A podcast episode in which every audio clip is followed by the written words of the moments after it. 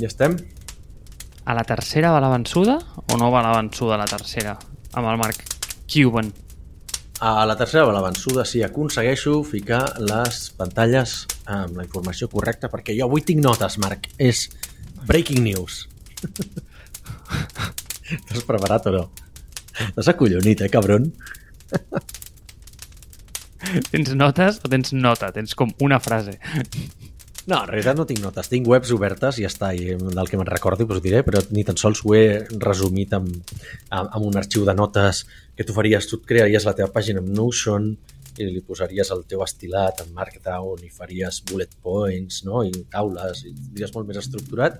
Jo tinc webs obertes que si me'n recordo on està la info n'hi diré i si no, doncs, doncs més o menys. Però sí, sí, avui anem de... Avui tenia ganes de parlar de Marc Coventiu perquè és una persona que la trobo bastant fascinant dintre del món de negocis i crec que eh, aquí no se'n parla suficient i no et sabria dir per què, eh? perquè crec que és un, un, un tio que, hòstia, té, té, té coses interessants. Tu el coneixies o no? Saps de qui t'estic parlant? Sí, d'aquí m'estàs parlant i quan et refereixes al concepte aquí, et refereixes al telenotícies de TV3 o et refereixes a l'ecosistema tecnològic català? A l'ecosistema tecnològic català no, ningú té ni puta idea qui és Mark Cuban i crec que algú li sona perquè sortia a Shark Tank. Mira què et dic. I et faré una confessió, jo el vaig descobrir perquè sortia a Shark Tank, però no tenia ni puta idea. Però és que la seva, web, a la seva vida és molt, molt interessant, saps? Però a mi no em sona que hi hagi gent aquí que digui ui, sí, sí, Marc Cuban, jo el conec, de, que va vendre aquesta empresa, aquesta altra, i tot això, ni de què s'està dedicant. De fet, tu mateix no sabies a què, a què s'està dedicant avui en dia, fins que t'ho vaig dir l'altre dia. És a dir, no sabia aquesta faceta seva dels medicaments. Sabia o em podria sonar que aquest home va comprar un equip de béisbol o de bàsquet crec una cosa d'aquest tipus, però ara mateix no recordo. Eh, és a dir, crec que el seu highlight mm, mediàtic era aquest, en el mocap. Mira, vale, doncs, tu espera, tu pots pensar que el seu highlight mediàtic és aquest, però a mi el que em fascina és que és un tio que ha comprat un poble. Val? O sigui, hi ha un poble que jo vaig llegir que era el owner, o sigui, el propietari de Mustang, i vaig dir, aquest tio ha comprat Mustang, dic, no em sona, saps? Vull dir, fins i tot jo sé, Mustang, em sona que és una marca de cotxes, perquè ja saps, no, és owner of Mustang com a Texas, val? Aleshores, faig una, faig una, una miqueta intro de per què vull parlar d'aquesta persona, val? Perquè a mi em sona que és la típica persona que et posaran com a exemple de per què el capitalisme està funcionant tan bé, és una persona que està canviant al món quan entenem el, el món com Estats Units, perquè recordem que la gent d'Estats Units, eh, Estats Units és un malic molt gran on tothom es mira cap a si mateix, no? O sigui, un, és un malic molt gran poblat de gent que es mira el seu puto malic. Aleshores, clar, què passa? És un tio que ara mateix està arreglant el sector farmacèutic. És un sector que està completament trencat als Estats Units i pel qual mm, desenes de milers de famílies cada any se'n van a la ruïna, entren en pobresa perquè no es poden permetre el seu tractament hospitalari ni els medicaments. Val? És, probablement és l'únic país del món on això passa. Segur que passa en altres països, potser, no tinc ni idea, però no en aquestes dimensions. No? Per què m'agrada Mark Cuban com a persona? Perquè dins del que hi ha no és d'aquestes persones que de cop i volta és un bilionari famós que el que es dedica és ara a parlar de política i a ser una persona super eh, paternalista, condescendent, ultracapitalista, etc etc. O sigui, m'agrada que el tio és bastant... és una miqueta punky. Vale? O sigui, la seva història és bastant bona, és fill d'immigrants, com tota persona dels Estats Units, bàsicament, eh, que eh, va créixer en un entorn working class. Per mi això és molt important perquè no és una persona que ja neix rica, sinó que és una família que es va exiliar de, eh, es va exiliar de Rússia, és una família jueva, Rússia romanesa, per, per allà hi ha els, els seus orígens, i van anar als Estats Units. El tio comença, val? Eh, em sembla que vivia només amb son pare, si no recordo malament, vaig escoltar la història por ahí eh, al podcast de My First Million, i com que son pare sempre estava pues, en rotllo amb coses de, de feina, no sé què, i no li comprava mai coses, ell, al Mark Cuban li agradava molt el bàsquet. Vale? I el tio va dir, hòstia, m'agradaria comprar-me aquestes bambes de bàsquet. No? El pare li va dir, doncs pues mira, saps què? Eh, vés a vendre aquestes bosses de basura que tinc per aquí, val? jo entenc que eren bosses de basura buides, no plenes. És una cosa que no vaig acabar d'entendre. Val? i fins que va aconseguir pasta com per comprar-se les seves primeres bambes, no? I aquí el tio va descobrir que, bueno, que podia fer calés per ell mateix, una miqueta, no? Es va començar doncs, a comprar i vendre monedes, eh, es va posar a comprar i vendre segells, val? va veure que comprant els segells en un lloc de la ciutat i després venent-los en un altre, doncs potser hi havia gent que li donava més pasta, no? I comprava un segell per 4 dòlars i el venia per 6. Hòstia, doncs ja havia fet un, un benefici, no?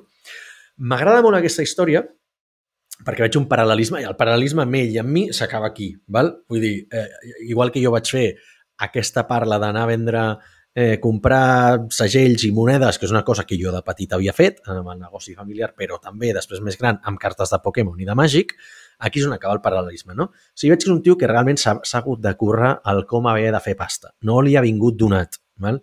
Fill d'immigrants, eh, un, un, un, un background molt working class i s'ha convertit en un dels multimilionaris més famosos als Estats Units. No passo per tot el que és la part de la universitat, perquè pots entendre que ha passat per 15 universitats i li va anar bé, eh, bueno, saps? Vull dir, però, però tampoc crec que tampoc va estudiar a les universitats més bones. Vull dir, va anar Pittsburgh, Indiana, vull dir que tampoc és un... No són d'aquestes que diguis, hòstia, és que van a l'MIT i per tant d'allà ja surts ben posicionat. No, va començar també a treballar a un banc, bueno, o sigui, relativament normal fins aquí, no? Però després és que el cabron va cofundar una empresa que eh, es va convertir, bueno, que es deia Microsolutions. Val? Aleshores va començar a ficar-se amb el tema de, eh, de, de revendre software. Val? O sigui que realment no és una cosa que diguis era superintuitiva, perquè estem parlant de l'any 80 i escaig, val? o sigui, és el 83. Val? Aleshores, vendre software l'any 83 has de ser una miqueta visionari, no? Eh, o els 80 llargs, perquè està venent coses com Carbon Copy, Lotus Notes, CompuServe, coses d'aquestes. Val? Bueno, total, aquesta empresa que va cofundar ell, després d'haver treballat un any en una botiga de software de la qual el van fer fora, val? per intentar vendre-li coses d'amagar totis a un altre client per fer ell més negoci, la va portar a més de 30 milions de dòlars en revenue. Vale? I la va vendre a CompuServe. Vale? O sigui, aquí ja va fer com el, pum, el seu primer gran èxit que l'any 90 va fer 2 milions de dòlars vale? after tax, després d'impostos, de, després en aquesta venda. Vale. Fins aquí diries, bueno, doncs un tio que s'ha fet a si mateix, ha fet una empresa de software, li ha anat bé, ah, bueno, hòstia, als anys 90 vendre una empresa de software no era tan, tan, tan, tan normal. El tio, després d'aquí, el cabron va fundar una empresa de broad... O sigui, va entendre que el, el broadcasting seria una cosa molt important. Va fundar Audionet, la seva segona empresa, val? que es va acabar convertint a broadcast.com. Val? Sigui, una empresa que la va portar també a 15 milions de revenue, eh, bueno, em sembla que, que més, 330 eh, empleats, i la va vendre per 5.700 milions de dòlars a Yahoo. Vale? Aleshores, clar, evidentment, aquí ja va ser com, bueno, aquí ja m'he convertit en multimilionari. Eh? Tot i així va vendre per stock. No va vendre per pasta, eh? però bueno, entenc que igualment fots una bona, fots una bona morterada de calés. Vale? Aleshores, clar, què passa? Que de cop i volta aquí el tio, pues, bueno, ja comença a fer negocis a gran escala. Amb els primers dos milions no, entenc que potser sí que va fer alguna inversió i va poder fer alguna altra petita cosa, però quan ja vens una cosa per 5.700 milions de dòlars, aquí ja està jugant la putíssima Champions League de, de l'emprenedoria, no? Total, bueno, després de cop i volta, bueno, eh, fa moltes més coses. Com tu dius, una de les coses que fa és eh, comprar els Dallas Mavericks. Vale? O sigui, és el, és el principal accionista, mm, majority owner. No sé si això vol dir que és complet accionista. Però bueno, també és, eh, ha fundat 2029 Entertainment, eh, una altra cosa que es diu Brondel, va sortir a Shark Tank, és inversor en 50.000 milions d'empreses, de, tal, tal, tal, tal, tal, tal. O sigui, realment ha fet, ha fet bastantes coses. ¿vale? Ja no entraré en el, en el detall de tot això. Però bueno, què passa? Que arriba un dia en el que li arriba una persona i li diu estic intentant muntar això, ¿vale? eh, que és una empresa de medicaments. I tu podies dir, hòstia, mm, què té d'interessant tot això? Doncs pues què té d'interessant? Hòstia, que és la, el que fa aquesta empresa és agafar tots els putos medicaments dels Estats Units i dir quan valen a les, a les farmàcies i als, als hospitals aquests medicaments. I et diu, mira, aquest val 2.000 paus. Diu, vale, doncs jo el vendré per 100. Saps? O sigui, treu pràcticament tot el marge, que és infinit, perquè el, el sistema farmacèutic als Estats Units és encara molt més predatori que el nostre a nivell de eh, no hi ha transparència, o sigui, ningú diu que ell mateix, com a multimilionari, preguntava a les empreses per saber quin era el marge i els preus, el cost de producció dels medicaments i tot això, i no li volien dir. O sigui, tal és la màfia que ni tan sols una de les persones més influents al món de negoci li deien el preu. Per què? Perquè no es diu a ningú. O sigui, no tinc ni idea com és això a Espanya, no tinc ni idea com és això a la Unió Europea. Val? És un sector que ni m'interessa ni m'hi vull ficar mai. Val? Però sí que entenc que, clar, aquí ho tenim molt més regulat, vull dir, que tens, eh, tens la, la sanitat pública, tens sistemes com copagament, etc etc. funciona d'una altra manera molt diferent als Estats Units. Per als Estats Units, com bé tu saps, eh, si et pilla una, una apendicitis, probablement la intervenció, l'ambulància, no sé què, no sé quantos, pot ser que t'arribi una, una factura de 50.000 dòlars, que si no tens eh, assegurança, perquè l'assegurança està lligada a la feina, com no tinguis feina, has de pagar 50.000 papinos sí o sí i pot ser que et quedis, eh, que t'hagis de vendre la casa val? per poder pagar això. I llavors diu, el tio diu, això és una puta merda, el capitalisme aquí està trencat, vaig arreglar-lo. S'uneix amb aquesta persona val? i diu, per primera vegada a la meva vida faré una cosa que no he fet mai, que és posar-li el meu nom, perquè diu, el, la, meva, la meva marca personal no l'he fet servir mai, però té un valor, li posaré això. Per què? Perquè el sistema farmacèutic o vas amb un gran nom o no funciona. I li està sortint molt bé. O sigui, realment és una empresa que està anant molt bé, està disruptant, disrompent, dis, com es digui, el, està fent disrupció dins del, del sector farmacèutic i clar, què passa? Que ara estan tots una miqueta amb els colloners al coll dient, hòstia, eh, aquest tio està descobrint les misèries, està destapant les misèries de com ens estem aprofitant de la gent, no? És un tio molt, eh, molt crític amb el capitalisme, tot i que evidentment ha fet fortuna amb això, però a mi m'agrada, com a persona que jo cada cop ja més em, em defineixo com a postcapitalista, no? eh, de, a dir, vaig a carregar-me el capitalisme perquè és que no està funcionant. O sigui, i el veig com un exemple paradigmàtic d'allò que, que sempre dic, que no és meu, que és el capitalisme és la millor solució als problemes que ha creat el capitalisme. No? Aleshores, s'està vanagloriant a Mark Cuban per, hòstia, està arreglant el sistema farmacèutic, però a veure, està arreglant perquè us l'havíeu carregat vosaltres, cabrons, saps? I aleshores, a mi aquesta història m'està agradant molt, val? O sigui, com el tio amb tanta transparència està dient, mira, és que aquest, aquest medicament que totes les farmacèutiques eh, te la venen a aquest, a aquest preu, la cadena de, de, de subministre de farmàcies, distribuïdors, etc etc, t'estan aplicant cada un el seu marge del, del 2.000%, clar, una cosa que, que t'hauria de costar 75 dòlars, tu vas a la farmàcia i t'estan cobrant 4.500. Com és possible això? jo te'l venc per 85 dòlars. I això és el negoci, per mi, el negoci del segle, si funciona bé. Perquè no només pot fer pasta, i l'està fent, sinó que està arreglant una cosa tan trencada com és el sistema farmacèutic dels Estats Units i la societat en general. I fer veure, sobretot als Estats Units, que, que tio, o sigui, que realment és vergonyós com funcionen amb algunes coses i tota aquesta gent que s'omple la boca de hòstia, és que mira, als Estats Units tot funciona tan bé, la gent que ha acabat en la putíssima misèria per una cosa que tu no pots controlar com és la teva salut. Tio, o sigui, que t'agafi un atac d'apendicitis i que no t'ho puguis permetre perquè t'agafa entre feines, t'han fet fora de feina i no pots pagar aquests 75.000 dòlars que t'arriben de, de factura d'hospital i medicaments, tio. A veure, anem per passos, vale? És que m'has explicat tota la història dels medicaments, però el meu cap no ha escoltat absolutament res i s'ha quedat amb el concepte de Mustang Texas. Val? Sí, realment tu, tu t'interessa això, tu t'interessa Mustang Texas, ja està. Sí, sí. El 2021 Cuban va comprar el poble de Mustang Texas, és un poble de 77 acres, són hectàrees?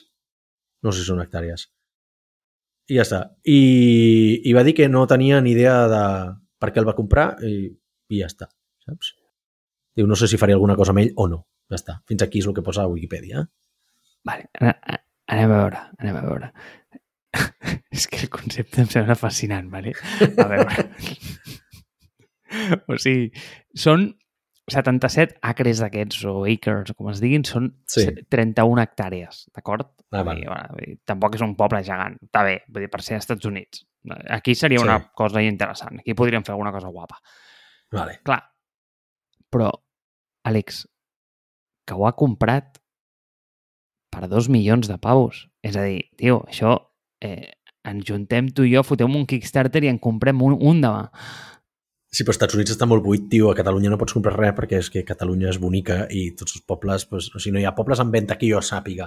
Però normalment les coses que es venen de pobles són coses desertes, de zones a les que no hi aniria a viure ningú, saps? Vull dir, rotllo, Castilla-La Manxa profunda, allà hi ha pobles en venda que diu aquest poble es ven per 30.000 euros. Qui collons hi vol anar? Doncs exactament és el mateix que això. Aquest poble no devia voler-hi anar ningú, saps? Però alguna cosa ja has de fer. Tu t'has llegit la novel·la de Los Asquerosos, de Santiago Lorenzo? No. És mitiquíssima. Eh, és un bestseller, eh? A veure, no vull fer spoiler, la recomano a tothom, és boníssima. Però bàsicament va d'un tio que la lia molt parda i s'ha d'exiliar en un lloc mm, buit o remot. I es fot a viure en un poble desert d'aquests. Llavors, una, una cosa d'aquestes, aquí per 4 duros la compres, eh? I, hòstia, és una bona idea, eh?, per muntar la Terra Pública Independent. no em donis idees, tio. Ara només em faltaria la pasta, però, però creu-me que jo ho faria... Si, si fes aquests dos milions de... O, o jo què sé, o més, a una venda com d'aquestes de, de Marc Ivan, creu-me que jo intentaria fer alguna cosa d'aquestes, saps? Tot sigui per posar-me en problemes amb l'estat espanyol. Sí, sí, sí. Ara tornem als medicaments, perquè em sembla molt interessant. I em fot una ràbia perquè la setmana passada tenia una quantitat de punts sobre els medicaments i ara se m'han oblidat tots perquè tio, vaig tirar el paper amb el que estava fotent la recerca aquella eh, que- de, de l'episodi que em vas hackejar l'altre dia, macho, que ja, ja no me'n recordo. Però, mi, aguanta el punt. Fas una campanya a Kickstarter, d'acord? Mm -hmm. I el pledge és el següent. És que tu compraràs un poble i has de pagar tants diners i això el que et dona és com el dret d'admissió en el poble. Val? Llavors, d'alguna manera, com estem muntant la República Tecnològica Independent, on tu muntaràs els teus startup grinds gratuïtament per la resta dels dies, i tu estàs comprant com un visat dins del país en el nostre poble tecnològic, li canviem el nom, eh, li posem eh, foc a terra, i, tio, i t'has construït com la teva illa dintre de, de l'estat espanyol on només admets els teus estimats backers de Kickstarter. No és tan mala idea, eh? Jo no ho havia pensat mai. I no t'ho estic dient en broma. Se li podria donar una volta. No em sembla una tonteria, eh? És a dir, no sé per què algun sonat com nosaltres amb uns collons una mica més grans no ho ha fet, eh? Mm, Dóna-li... A veure, també és veritat que o sigui, el català mitjà té un problema de de pensar en gran. Sigui, el català sempre té mentalitat de botiguer. Val? De jo tinc la meva botigueta i cada dia obro, aixeco la persiana, venc les meves coses. Hòstia, aquest m'ha obert una botigueta al costat, saps? Ojo que no vingui i em prengui clients. I si jo li puc prendre algun client, bé, saps? Però, ei, a cara a cara tot bé, no? Molt diplomàtic, i sí, no, oi, com va, bé, bé, no sé què. I després tanques la persiana, al final del dia, contra els teus clarons, i el dia següent tornes a obrir la persiana. I, I això és la mentalitat de botiguer que sustenta el tot el teixit empresarial de Catalunya des de l'edat mitjana. Val? O sigui, així és com ha funcionat sempre i passant per les colònies i... Saps què vull dir? És igual, no, tornem, tornem on volies anar, perquè el, jo el que vull dir és que ningú farà això perquè és pensar massa gran, tio. O sigui, un català mai farà aquesta cosa.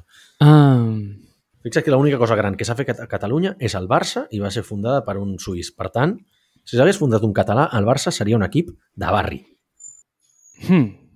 No, és interessant. En fi, de moment aguantem la idea del poble, d'acord? Eh, ja ho pensarem un altre dia. Però a mi, això de et canvio eh, uns quants dinerons per tenir el visat del nostre poble, no seria, no, no seria dolenta, eh? Fots allà unes barreretes amb uns morets i dius, mira, tio, aquí, a la República Independent de, de l'Àlex i el Marc, només s'hi entra si ets eh, backer de Kickstarter. I Exacte. en exclusiva podràs escoltar i podràs eh, presenciar com en directe els episodis de Foc a Terra gravats mm, tio, doncs, eh, en el moment. En fi, tornem a mi Cuban. Mark Cuban Sí. o Mark Cuban, no sé, no sé per què dic Cuban. Bueno, en fi, és igual, jo sempre li diré Cuban a partir d'ara, m'agrada més el concepte. Fantàstic. Vaig estar llegint sobre el motiu pel qual, és a dir, la raó d'existència d'aquesta companyia. I és aquest sector tan opac que has pintat té un nom molt català, que és el concepte aquest del prescriptor. És a dir, es veu que hi ha com una capa de middleman a Estats Units que és com... Correcte. És el que tu dius, no? Allà ho fan tot en gran. És a dir, allà compren la llet amb galons i, i els cotxes medeixen quilòmetres, no? Doncs eh, allà hi ha el concepte aquest del prescriptor. I el prescriptor és el middleman entre l'assegurança mèdica i el proveïdor de medicaments i bàsicament li està dient a l'assegurança mèdica ei, tio, tu has de comprar aquests medicaments, jo posaré el markup, faig directament, el, la, o sigui, negocio directament en volum amb el proveïdor i d'alguna manera doncs, és la mítica cadena infinita que el preu s'infla fins a més no poder i quan t'arriba tu de lo que realment allà hi ha de cost hi ha molt poquet, no? Correcte. Llavors, jo el que et volia preguntar és, tu veus molts sectors com aquests per aquí o no a dia d'avui encara? O creus que d'alguna manera això ja... mm, Quan dius per aquí, què vols dir? Per aquí vull dir per Europa. Ah, Europa, mm. No, no, pregunto, eh? És a dir, com... Diu, escolta, hi ha molts sectors d'aquests per aquí? O sigui, hi ha moltes coses susceptibles de ser trencades a nivell de cadena? Perquè què és el que estic veient? Hi ha molta tendència d'aquest concepte del, del D2C, no? del direct to consumer. És a dir, saltar-te absolutament totes les barreres i no tenir que passar per proveïdor, per exemple, jo què sé, eh, Tesla ho ha fet amb els cotxes, no? És a dir, ara, doncs, en lloc de tenir com el dealer i tot això, doncs, Tesla ha anat directament a vendre doncs, a client, no? Llavors, què perds? Perds, d'alguna manera, aquesta xarxa i aquesta capilaritat que té la última milla de la cadena, però per altra banda també guanyes com aquesta capacitat de ser com molt directe, no? És a dir, cap a la teva audiència i d'escriure el teu missatge, no? Mm, jo què sé, està Procter Gamble fent gilets i fent fulles d'afaitar i per altra banda tens a Dollar Shave Club. Dollar Shave Club, eh, sí, Sí, exacte, que, que just va comprar... No sé si va comprar Unilever o Procter Gamble, ara, ara podria equivocar-me. Sí, Però que bàsicament feia això, no? És a dir, saltava la cadena, tota aquesta cadena de valor i, i, i, tira, i, tirava, i tirava directe a consumidor final. I això ho veus, doncs, a veure, eh, aquí a Espanya doncs, tenim la versió de les ulleres d'això, no? I com, com, com es diuen aquestes ulleres? els hawkers. Sí, aquestes, aquestes, aquestes, aquestes. Unilever va comprar Dollar Shave Club. Exacte. Sí. pues, tens les Hawkers aquestes, després van haver-hi aquelles altres, les Meller, després ara hi ha mil marques de roba que van directament Sí. a consumidor final, és a dir, coses d'aquest tipus que parlen directament cap a la teva audiència i assalten una mica el concepte aquest del middleman. Llavors, per això et preguntava si tu veies espais molt regulats, i, i ojo el concepte de regulat aquí, eh, també, perquè als Estats Units pot ser una mica que et toqui un peu, però aquí la, la regulació, segons amb quines coses, no, no te les deixen fer, eh? Eh, espais on, que, que, estan no regulats, diguem, on hi hagi aquesta capa productiva mm, intermitja que d'alguna manera t'està dinamitant el negoci i, i que tu puguis vendre directament a consumidor final. No sé si tens alguna idea per aquí, tu.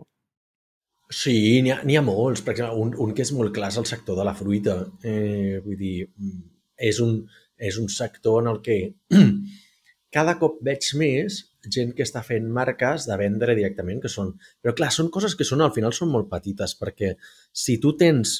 Ho vaig veure, eh? Vull dir, eh, ara estic mirant eh, altres negocis en els quals invertir o potencialment doncs, poder comprar part del negoci o el negoci sencer i, i vaig estar mirant un, que eren uns paios de Màlaga, que s'havien muntat un, un negoci interessant, no molt, eh? No sé si la facturació al final era com un milió de, de pavos, al, no arribava a un milió d'euros de, de, l'any, però déu nhi fent fruites com tropicals, per què? Perquè amb el clima de Màlaga podien produir pràcticament tot això i el que es dedicaven era a, a, a, distribuir eh, fruita per tota, per tota Espanya, però clar, eren coses com la fruita de la passió, mangos, que- les històries que no són autòctones. No? Eh, però clar, com que s'ho feien tot ells, tant la plantació com la recol·lecció, la distribució, fins i tot, tenien uns marges molt interessants. I clar, m'estan explicant que clar, el secret d'aquest negoci és no ficar, o sigui, és vendre directament al consumidor, val? a través d'un e-commerce, tenien el seu puto e-commerce a la pàgina web i amb això ho feien tot. No? Què diu? que van estar explorant altres, altres maneres de vendre o no, que si supermercats no sé què, i diu, literalment, era tot a pèrdues. Tot a pèrdues. Eh? I fins que no arribes a un volum exagerat, no té sentit. A part, els supermercats, no t'has sabut, t'acaben apretant molt perquè, hòstia, si t'entra a comprar un Mercadona, et diu, vale, però jo vull que a mi el preu me'l donis super descomptat o amb exclusivitat o necessito tant, no sé què, jo he de ser el primer que li entreguis i si sobra li pots entregar la resta, etc etc. no? I en tota aquesta cadena de valor, perquè entregar-li a Mercadona vol dir que eh, has de contractar la seva empresa de servei, la, el seu doncs els seus prescriptors, el que sí, tots aquests intermediaris que fa que perdis pasta en cada un dels passos. No? Aquest és un, és un sector, per tant, jo entenc que amb la... Home, no diré amb l'aveniment d'internet, però vull dir, evidentment, internet, xarxes socials i tecnologia al final han acostat consumidors i, eh, i, i productors d'una manera exagerada, no? que pots estalviar-te tot això. Hi ha molts altres sectors, vull dir, evidentment hi ha un que és un, molt endèmic a Espanya, que és el tema dels notaris. O sigui, és una persona que afegeix zero valor i que es fica en totes les com preses de decisió o situacions contractuals rellevants d'una empresa, no? El que s'ha de fer davant de notaris, sorteig per davant de notaris. És una persona que l'únic valor, és que ja no valor, l'única cosa que ha de fer és dir jo ara estic presenciant això i dono fe de que ho estic veient perquè jo estic aquí amb els, eh, presencialment en aquell lloc, ho estic veient amb els meus propis ulls i per tant ho signo. Val? O sigui, és com, com dir, eh, ho juro per Déu, saps? Vull dir, és un, és un altre intermediari que si l'elimines de cop i volta, hòstia, eh, t'estalvies pasta en qualsevol transacció de, a nivell contractual i legal, no? Eh, se me n'acuden més, però, però evidentment tot el, el que dius tu, si quan hi ha una cadena de, de subministrament en la que cada un va agafant la seva part, doncs home, el de la fruita és el més el que coneixem tots, no? Perquè, hòstia, és que hi ha molts actors involucrats, però per què hi ha hagut tots aquests actors involucrats fins ara? Perquè probablement hi ha hagut, és un sector tan gran, tan ampli i tan divers en, en, en tècniques i en eines i tot això, que o hi ha empreses especialitzades o no et surt a compte fer-ho tot.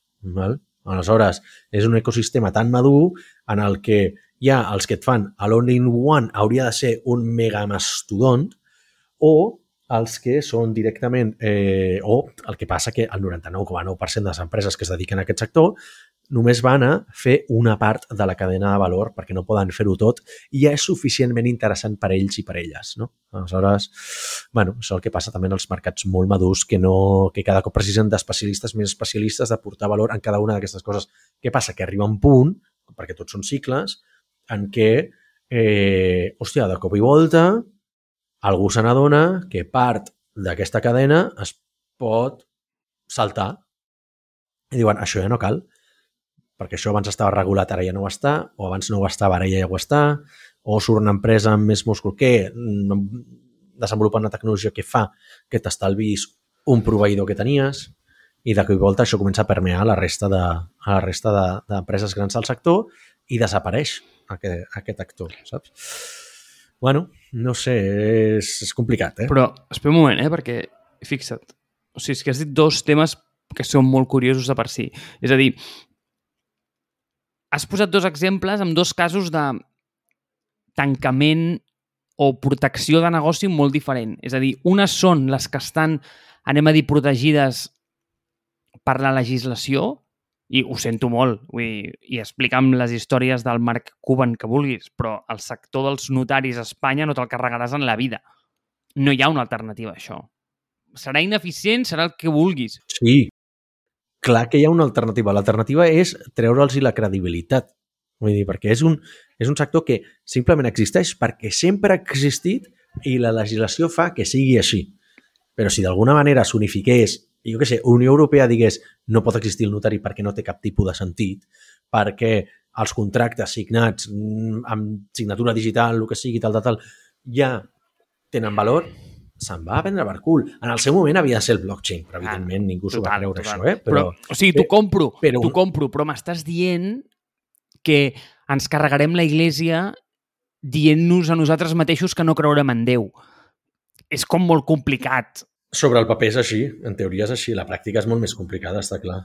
Sí, clar, clar, clar, sobre el paper és, és complicat, no? Però vull dir, també veig un sistema d'incentius de funcionariat... Eh, o sigui, és molt... hòstia, em sembla complicadíssim. Bueno, aquest és un. I l'altre que t'he dit és el de que m'has mencionat també negocis aquests són els, els meus favorits que per altra banda també són els que estan generalment més ben protegits, que són aquells que estan, eh, jo els dic, és que no sé com dir-ho en castellà, eh, fueled by nature, com dient, tio, estan... Propulsats per la natura, sí. Sí, exacte, per exemple, les funeràries. O sigui, aquí tens ja, el sí. negoci sí, sí, sí, sí. del segle, Sí, fill meu, tots acabem a la caixa de pi, sí. el, el moment més dèbil de la persona humana prenent una decisió, que és bàsicament el mateix moment que quan estàs comprant pinso pel teu gos, mm, sempre vols el millor, Sí, i algú que tothom ha de passar a parlar-ho. exacte. Clar, O dels naixements. eh, disrompre aquest sector... Hòstia, el, el, el veig delicat. És a dir, el oi boi de les funeràries em costa. Ja. No, no, no, no, no passarà... No ho sé, no, no entraria en el sector funeràries perquè tampoc... Mira, fa uns anys vam estar a punt de treballar per Memora, val? Eh, nosaltres, jo vaig, vaig investigar una miqueta com funcionava el sector i ells mateixos s'estaven intentant disrompre Ok. Que és el que passa potser en, en sectors en el que ells, mat- clar, tens un mega monopoli allà, no? I, hòstia, la gent, no sé, no es dedica... Són sectors que estan under the radar perquè diuen no ens interessa estar molt coneguts perquè no hi hagis... bueno, que no, no se'n parli i els hi va bé que sigui així. Sectors dels quals no se'n parlen són els millors. Tenen molts marges, sempre estan allà, estan protegits pel, pel silenci, pel simple fet de que no són no són vistos per altra Ahà. gent no? i no se'n parla i aleshores com un, no es qüestionen. Aleshores la gent no, no es vol entrar en aquest sector. Però hi ha gent que hi ha entrat. Eh? Eh, al mateix moment que nosaltres vam estar a punt d'entrar a treballar per Memora, eh, vaig conèixer o em va arribar una oportunitat d'inversió que era un tio de, de UK, vale? amic d'un amic meu, que va dir que el que estava fent era va crear una empresa, tio, de, de funerals low cost, tio, literalment, que, o sigui, igual cobrava, no me'n recordo si era com 100, 100 lliures pel funeral, saps? I li estava anant molt bé. O sigui, això, tot era superbarat. Era perquè diu, la gent cada cop té menys poder adquisitiu, però la gent es mor igual. Doncs vaig a fer una empresa que permeti donar doncs, una cosa digna, però en comptes que et robin a- oferint-te una caixa de pi que igual et val, no sé, no sé els números, eh, 2.000 euros, que al final l'hauràs de cremar o l'hauràs d'enterrar, doncs, tio, si tu el que vols és que, eh, que, que, que la teva persona estimada que s'ha mort tingui un, un, un, bueno, doncs un enterrament i tu no penses tant en les eines, penses més en el, en el concepte de ja és una cosa que estava ben parida, no? el, el, el funeral, però els materials estaven molt més optimitzats i, de, i vaig treure costos aquí, intermediaris d'allà, no sé què, es va muntar un, una empresa que anava com un putíssim coet. Per què? Perquè va decidir eliminar tots aquests intermediaris. Però això passava a UK. Aquí no sé si passarà, però aquí Memora me'n recordo que el que estava fent és dir ens estem adonant d'això, hi ha cada cop més coses online, tal, tal, tal, i el que volien era més com certes solucions tecnològiques per automatitzar processos interns. Val? Eh, la innovació aquí potser arribarà més per una sèrie de persones, no sé, com Open Innovation o, o optimitzar processos no tant com per ficar més players al mercat. Jo el que venia a dir amb el, amb el Mark Cuban era el, un, el, el concepte aquest de anem a arreglar una cosa que ha estat trencada durant molt de temps, però ningú s'ha qüestionat perquè sempre ha estat així, fins que ha vingut un il·luminat i ha dit doncs vaig a fer-ho perquè jo tinc els santíssims pebrots i tinc la pasta per fer-ho. I, bueno, me la jugo. I si surt malament, doncs, bueno, surt malament, saps? Ho va intentar... Hi ha hagut coses que han fallat estrepitosament. Ho va intentar Justin Khan, el de Justin TV, Twitch, que va intentar disrompre el tema dels advocats. Abans de, de, de l'arribada d'intel·ligència artificial. O sigui, va intentar fer com uns advocats a service, val? que per mi era la solució a també tot el megamonopoli fastigós que tenen els advocats que et cobren per fer coses, un, molt malament, i dos, que tampoc, no sé, saps? O sigui, no tenen cap... No és com els notaris que dius, no, és que no té validesa si no fa un notari. Hi ha moltes coses, o sigui, la majoria de coses a nivell legal, tothom es pensa que necessita advocats i no els necessites per fer un contracte, saps? El pots fer tu un contracte, tio, però la gent es pensa que si no te l'ha fet un notari no té validesa.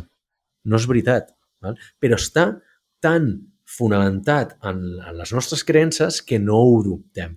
Aquesta és una. I l'altra cosa que em fascina del, del, del, del, del Mark Cuban també és que... Hòstia, se m'ha anat alçant el cel, tio. O sigui que havia dit el tema del, el, el tema del, del, del capitalisme. Ara em vindrà l'altra cosa, eh? ara quan, quan ho recordi, però, però bueno, ja, ja només per aquesta em sembla, em sembla bastant interessant. Eh? A veure, és que el concepte de morir-se per 100 pavos em, em té bastant intrigat. Eh, perquè, sobretot, fa poc, és que ho sento, això és off-topic, però és que crec que val la pena. Vaig passar pel procés, Àlex, de treure'm la meva assegurança dels morts, d'acord? Perquè això és una cosa que heredes dels Val. teus avis. Els teus avis, bàsicament, com et diria, eh, el seu llegat cap a tu sempre és l'assegurança dels morts. Et pagaven els morts. Val. I, i, I jo vaig heredar dels meus avis pues això, els morts. És a dir, que el meu enterrament estava pagat. Llavors vaig fer el numeret. Que macabre. Ah, no, però això és superconegut, eh? Vull dir, això aquí, aquí a Catalunya... Bueno, a casa, casa, meva, casa meva no. Ui, sí, sí, no, no, a casa meva això era molt important, els morts, nen, els morts, sí. Que, que, que per cert, jo sempre he pensat que hi ha un concepte que, de, de veritat, eh, està molt, molt infravalorat i és Ah, és que, clar, a veure, aquest és un tema delicat, no? Però el tio que ve a casa teva amb el catàleg dels atabuts i les flors i el, tots els addons de la mort a fer-te l'upselling d'allò, em sembla com... Tio, aquest és el tio que tu vols de venedor a Mars Based. Sí. 100%. Si saps vendre un ataúd el dia de la mort d'un estimat, o sigui, saps vendre el que vulguis, ¿vale? però és que a mi, atenció amb l'art que ho fan, eh? I, o sigui, aquí és on em vaig donar compte jo que jo no volia això. I llavors vaig trucar a Ocaso. Ocaso era el meu proveïdor d'assegurança de morts. Val? I vaig dir que simplement no volia aquest regal dels meus avis. Doncs pues, a què em refereixo? Quan ve aquest home a dir-te bueno, eh, ha mort el teu familiar, diguem que té vostè contractat això? És que a més és un seguro inútil, Àlex, perquè ell et ve i et diu, clar, diu vostè, el seu, la seva assegurança li cobria aquesta caixa de pi, però clar, llavors, en paraules molt boniques et ve dir, vostè no vol enterrar el seu estimat amb aquesta caixa de pi. Val, ara t'entenc, ara t'entenc. Vostè el que vol és, vendre, és enterrar-lo amb aquesta caixa de, de roure, que resulta que val 8.000 pavos més, saps? I a veure, o sigui, porto tota la puta vida pagant l'assegurança als morts per dir-me que he de pagar 8.000 més per la caixa i 5.000 més per les flors i no sé, i perquè es veu que eh, la banda que incluïa era el, era el Manolo del Bombo i, i, i resulta que, per, que perquè vingui un coro de 100 i cantin una cançó has de pagar 500 euros més. Vale, vale, no et compro... No, no, jo, jo crec que no... Són dos tipus de venda diferents, vale? o sigui, entenc per on vols anar, que dius, vale, eh, és un tio que li ha de posar molta cara per, en un moment de que la família està destrossada, vingui i et faci una, un upselling, de, tu no vols aquesta caixa de pit, tu vols una, uh, jo què sé, vernissar no sé què, i aquestes, eh, i aquestes decoracions i el que sigui, i a part eh, la corona de flors de no sé quantos, pam, pam, pam, i el que volta són 3.000 euros més. No, perquè aquí tu estàs comprant des de la desesperació, des de, bueno, s'ha de fer, eh, mira, és només un cop, estàs hipercondicionat, estàs hipercondicionat i sí o sí, ara, tu pots dir que no, val? tu pots dir que no, però dius, home, com no li faré això? Estàs molt condicionat a ja haver de fer un upgrade, vale? perquè et fan sentir molt malament. Tu el venedor que vols a una empresa no és aquest cabron, sense ànima, sinó tu el que vols és una persona que en una necessitat, en una situació d'igualtat, en el que tu no tens per què comprar-me, ni ho necessites ni em coneixes, és capaç de vendre't alguna cosa. O sigui, és una persona que tu ara et truca, diu, Marc, soc una, tu no em coneixes, però sóc un tio que ven gelats a domicili. Tu ara mateix vols un gelat, saps? I tu diries, pues, mm, per què de comprar un gelat? No ho necessito, o plantes i te la ven. Si t'aconsegueix vendre això, que ni ho necessites, ni és el moment adequat, ni el lloc adequat i ho fa, aquest és el tio que tu vols. L'altre punt que volia fer abans, que m'he deixat abans, perdona, que se m'havia anat alçant al cel, era que un, una altra cosa que m'agrada d'aquesta història és que confirma la meva teoria de que sí que necessitem certs multimilionaris a la societat. Val?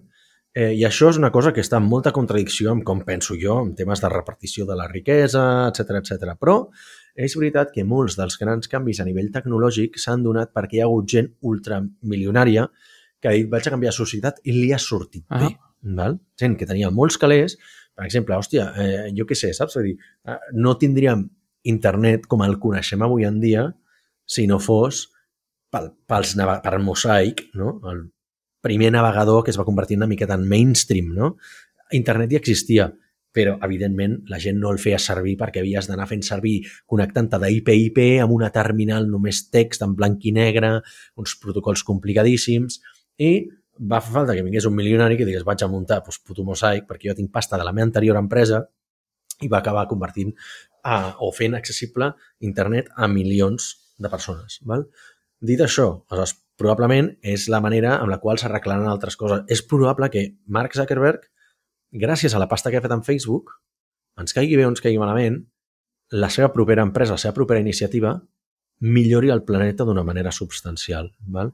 És probable que amb Starlink, que surt, no sé fins a quin punt eh, Elon Musk és fundador o no d'això, però fa falta aquests sonats que volen dilapidar pasta en un projecte que és segurament tenen els seus interessos, però que si no existissin ells no s'hauria fet o s'hauria trigat molts més anys. No? És com el tema de SpaceX. Si no està el sonat d'Elon de, Musk, la investigació espacial aniria molt més lenta perquè dependria només de la NASA i dels quatre estaments que existeixen i que aquests han aconseguit abaratar els, abaratar els costos, accelerar processos, demostrar que és possible des de la iniciativa privada i posar competència i competitivitat en el sector i fer que els altres s'espavilin. Aleshores, jo aquí estic veient que una persona... Ha fet falta que el sistema capitalista hagi creat aquest multimilionari a base d'anar venent empreses perquè digui, vaig arreglar un problema tan heavy eh, com té el sistema sanitari als Estats Units. I segurament altres problemes de la societat només s'arreglen d'aquesta manera i no es poden arreglar des de ni el sector públic, ni la regulació, ni la bona fe de la gent, saps? Aleshores, és com aquelles coses que em mantenen lligades encara a dir crec en la tecnologia i crec en una idea molt, molt, molt, molt primitiva del capitalisme, del qual cada dia estic més allunyat, però que gràcies a això s'haurà aconseguit arreglar una cosa que el mateix puto capitalisme s'havia carregat. No? Aleshores, eh, per mi era com la, tota la narrativa, tota aquesta història, era per, per arribar a aquests dos punts a dir, hòstia, no ho sé, tio, crec que es dona, es dona per, per, per, per ídol dels negocis a molta altra gent que no està fent coses tan interessants o tan bones per la societat com podria ser aquesta. No? I, hòstia, Jeff Bezos, bueno, no ho sé, saps? Vull dir, segurament Jeff Bezos amb el seu Blue Origin, no? que també té una empresa de, de, de viatges espacials, no sé què, potser o, o acabarà tenint alguna iniciativa que acabi millorant el món. Però de moment no l'està millorant gaire, les iniciatives que té, no? Però si no hagués fet totes aquestes que es carreguen al planeta, no, no en faria una de bona. No sé si m'explico. És que a mi em fa molta gràcia aquesta idea de que el mateix capitalisme genera com eines per arreglar-se a si mateix. És a dir, que crea negocis internament sobre falles que ell mateix ha provocat. Exemple molt tonto. L'addicció amb els mòbils. Hi ha una indústria de... Clar, el mindfulness, tio. Exacte, el tema del mindfulness, eines que et, et prohibeixen a tu mateix mirar segons quines coses durant cert temps. Llavors, com, es genera com una economia a sobre d'un problema que el propi capitalisme ha creat, no? I en aquest cas aquesta economia de l'addicció, no? I, i, i, i això em fa molta gràcia, i, però per altra banda li do, em dona molta esperança cap a la raça humana, perquè veig que com més la caguem, més valor generem després per intentar arreglar-nos nosaltres mateixos. I, tio, un altre exemple tonto, el canvi climàtic, no? Tio, ens passem com l'esport nacional és el de destrossar el planeta i després creem una indústria únicament dedicada a salvar-lo. Llavors, és com dient, bueno, pues, tio, fotem calés pels dos cantons, no? És a dir, tio, per, per, per una banda comencem a cremar petrodòlars per, per, per deixar el planeta fet una merda i després generem una economia verda brutal per, per intentar salvar-lo. Eh, llavors dius, hòstia, quina és la realitat alternativa en la que està el món en què fem les coses bé des del principi? Igual en aquella estem, no ho sé, eh, amb pals i pedres, però Com s'explica el que tinguis com aquests sectors que van, el, el que deies tu, no? S'està fent pasta pels dos cantons. Jo a mi la teoria que m'agrada és la teoria del pèndol, val? o sigui que la majoria de coses a nivell de, de negocis s'expliquen per pèndols, no? o sigui, per un pèndol, que tu dius, hòstia, quina és la tendència ara? Eh, per exemple, un exemple molt clar, no? Quan va haver-hi tot el tema del, del, del Covid i vam estar tancats a casa, clar, de cop volta va ser, pum, el pèndol va oscil·lar cap al treball en remot molt heavy, val? o sigui, se va anar cap a un extrem. Aleshores, de cop i volta, com que ningú podia sortir a casa, què va començar a créixer? L'e-commerce, el delivery, eh, tot el que és eh, les, les coses online, eh, tot el negoci tech va créixer moltíssim, totes les eines que estaven dedicades a fer coses online, per exemple, Hopin, que era l'empresa aquesta que era com un unicorn perquè el que feia fer esdeveniments online, clar, era un unicorn que ara s'ha venut per 50 milions d'euros, a 50 milions de dòlars, mal venuda, però en el seu moment va arribar a valdre més de 1.000. per què? Perquè, clar, el pèndol va canviar progressivament, de cop volta anar com cap al... O sigui, progressivament vam anar obrint les, les barreres, fronteres, vam anar traient les restriccions de la pandèmia i de cop volta el pèndol va oscil·lar molt heavy cap a l'altre cantó. Per què? Perquè com més, com, com més cap a un extrem has oscil·lat, amb més força te'n vas cap a l'altre. De cop volta ja va passar ser tot presencial. I per això s'han anat a la merda moltes empreses, el sector del, del, del travel, que havia estat en la merda de cop i volta, eh, l'any, el 2021 doncs encara estava molt regulat, el 2022 van pujar els preus a saco, perquè van dir, hòstia, ara és l'època en la que tothom voldria viatjar, te- porten dos anys estalviats, viatjaran, van pujar els preus moltíssim, i el que passa és que la gent va dilapidar-se de pasta d'hores i aquest any la gent no ha fet tantes vacances i s'han trobat que, o sigui, a mi m'ho com- m'ho comentava l'altre dia una persona que jo entrevistava en el sector travel que diu és el primer cop en molts anys, fora de pandèmia, que tenim espai buits en hotels, en creuers, en lloguer de llats, etc etc a l'agost. Per què? Perquè ens van passar de frenada i el pèndol va anar massa heavy cap a la presencialitat, se'n van voler aprofitar massa i ara està tornant cap a l'altre cantó, no? Mentre que hi ha alguns pèndols que no oscil·len gaire i per això eh, l'estabilitat és on, on tenen molta més continuïtat alguns dels negocis com el tema de el, el, sector fúnebre, no? El, el, el sector de Memora i tal. Eh, I ja per tancar-lo, que se'ns ha anat una mica de les mans, digue-m'ho tu, Àlex, va, digue-m'ho tu. Qui és el Marc Cuba en català? Hòstia, és que... Marc Iu en català hauria de ser una persona que tingués credibilitat suficient a nivell de negocis i sortir a la tele. Jo crec que a Catalunya no existeix aquesta persona.